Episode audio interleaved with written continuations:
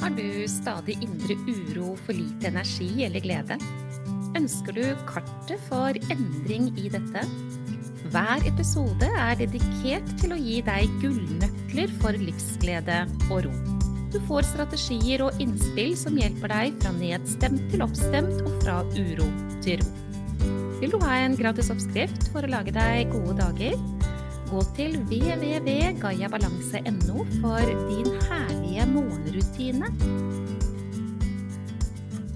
Kjenner du deg igjen i det å ha behov for kontroll? Kjenner du deg igjen i det å skulle kontrollere?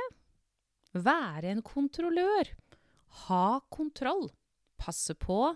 Sørge for. Spørre om igjen. Gjøre enda en gang til. Ta en siste sjekk. Være helt sikker på at nå har du oversikt over alt og altet. Kan du kjenne deg igjen i dette med å skulle kontrollere? Bli med meg inn i denne episoden.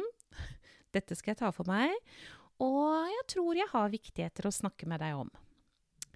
Aller først Visste du at dette med behovet for kontroll i større grad enn det du strengt talt har behov for, er et uttrykk for at um, du står utrygt i deg selv? I forståelsen av selvfølelse? Mennesker som har en god selvfølelse, de står trygt i seg selv. De er styrt av 'jeg er god nok, jeg får til', det er trygt for meg å være meg. Jeg eh, har 100 verdi. Jeg eh, har tillit til at jeg har ressurser, jeg kan håndtere det som skjer. Jeg er, og det holder. Det var sånn enkelt sagt, da. ikke sant? Jeg kunne ha snakket om selvfølelse i timevis. Men dette med kontroll, det står jo da egentlig i sterk kontrast til akkurat dette med selvfølelse, gjør det ikke? Hvis du er et menneske som har tillit til at du kan håndtere det som skjer, har tillit til at du kan møte livets hendelser, har tillit til at uansett hva det er som foregår, så kommer du til å finne en løsning på det, og du kan håndtere det. Hva skal man da med kontroll? hvis man har den tilliten? Har man behov for kontroll, så vil altså det si at den tilliten til egne ressurser ikke finnes der i så stor grad som den bør være, og selvfølelsen er lavere enn det som vil være det beste. Og hvorfor er jeg så opptatt av dette? Jo, det kan jeg fortelle deg, for det har med mengde stress å gjøre. Det betyr jo også da at mennesker som går rundt og er kontrollører, av ulik slag, de har mye mer stress enn mennesker som ikke holder på med den slags. Og skal man da finne sin livsglede og være mest mulig stressfri, ta best mulig vare på seg selv, hvilket jo er avgjørende for helsen til mennesker i dag, sånn er det, så er man nødt til å ta dette på alvor. Jeg vet ikke hvor mange ganger jeg har hørt fra diverse mennesker som jeg får lov til å hjelpe, ja, men jeg er jo en kontrollør. Jeg er jo en kontrollfrik. Jeg trenger å, å, å, å, kontrollere dette. Ja, de sier at jeg driver og kontrollerer, men jeg må jo det. For hvis ikke så blir jeg så urolig. Ja, eh, du blir urolig fordi det er på en måte ikke trygt for deg å la være å kontrollere. Eh, og da blir du uro, vet du, fordi du tror at du må ha kontroll for at det skal være trygt. Men som jeg akkurat nevnte det, da håper jeg du ser det også, at dette har med manglende selvfølelse å gjøre. Det betyr jo også at hvis man opprettholder denne forestillingen om at man trenger kontroll, så vil ikke selvfølelsen øke, og det er jo veldig synd. Fordi selvfølelsen og grad av selvfølelse det kommer til uttrykk i tanke i forhold til troer og forestillinger, overbevisninger og valg og alt dette her, som igjen er avgjørende for hvor mye stress et menneske har. Så dette er altså helt, helt nødvendig å forstå. Noen spør meg da Men Monica, hva er det du har kontroll på, da? hva er det du mener at det er liksom greit å ha kontroll på? Vet du hva, Jeg vil ikke være den som liksom hugger det i sten og sier at det sånn og sånn skal det være. Men hvis jeg får et spørsmål om hva jeg kontrollerer, så er det stort sett det jeg skal si til deg nå. Det er eh, bankkontoen min. Altså at jeg får betalt regninger. Det er ikke alltid jeg får det til til tida heller, for at jeg roter meg litt bort. Men stort sett så får jeg til det. Det er viktig for meg. Uh, utover det så er det viktig for meg å vite hvor jeg har bilnøklene mine hen, fordi det er så innmari kjedelig hvis jeg da er på farten ikke sant, og skal fra A til B, og så finner jeg ikke bilnøklene. Så det har jeg bare laget meg et sånt system på, at uh, de bilnøklene de er på plass der hele tiden. Og, og det, er, det går automatikk i det. Men utover denne bankkontoen så regningene blir betalt, fordi det trenger jeg for å, for å ha det bra og rolig, egentlig. Det syns jeg er viktig. Og at jeg kommer meg greit av gårde med bilen hvis jeg trenger det. Så er det ikke så fryktelig mye annet jeg har kontroll på. Bortsett fra at jeg må stå opp om morgenen, da.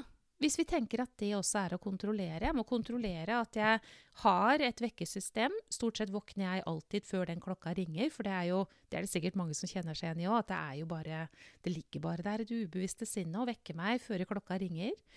Men utover det er det ikke sånn at jeg tar veldig mye kontroll. Og det er det veldig mange som har litt vanskelighet med å forstå, fordi dagen min er veldig hektisk. Det er mye, det er mange ingredienser og mye greier i dagen min, og det er jo, det er jo mennesker rundt meg og alt dette her. Altså, det, det skjer mye greier. Men jeg er ikke der i den kontrollen. Og når det gjelder avtalene mine, så er det sånn at jeg tar én dag av gangen.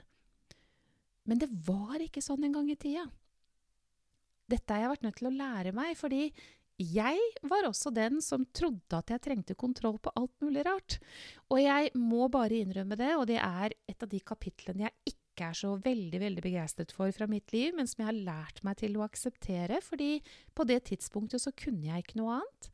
Og når jeg ikke kunne noe annet, så kan jeg heller ikke ha krav til meg selv, fordi jeg i ettertid har forstått det, så hadde jeg jo ikke forstått det den gangen det skjedde.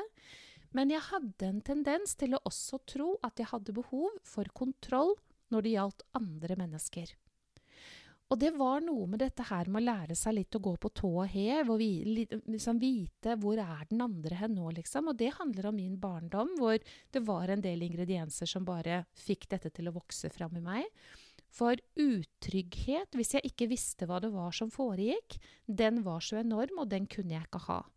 Og dette tok jeg med meg videre gjennom livet mitt og opp og inn i voksen alder, og har vært nødt til å jobbe med for at det ikke skal få lov til å styre meg lenger.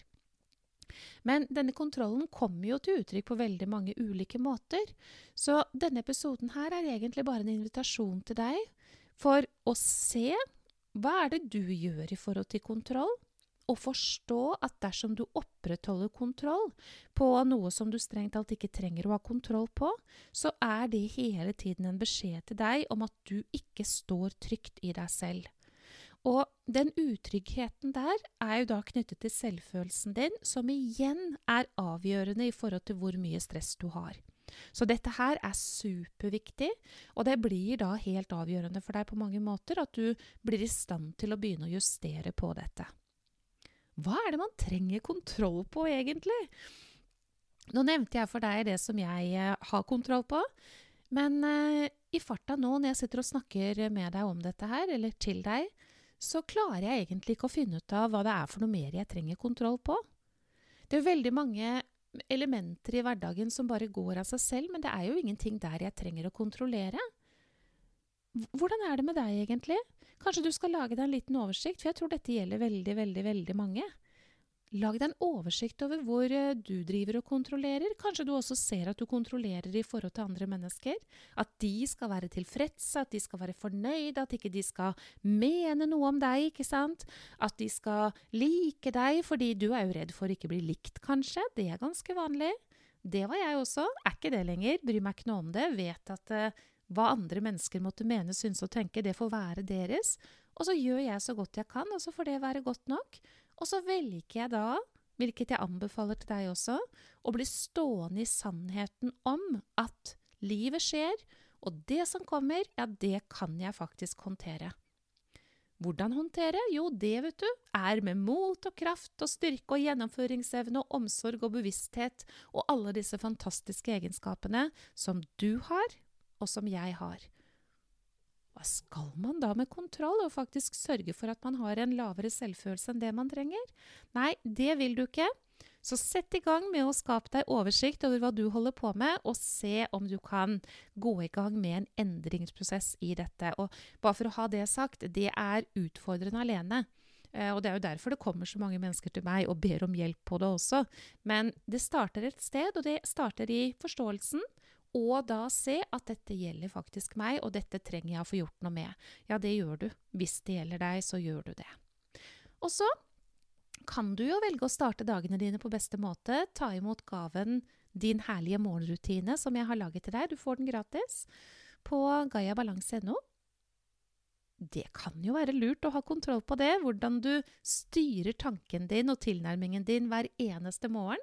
For det går ikke upakta hen i forhold til hva som skjer i deg og gjennom dagene dine.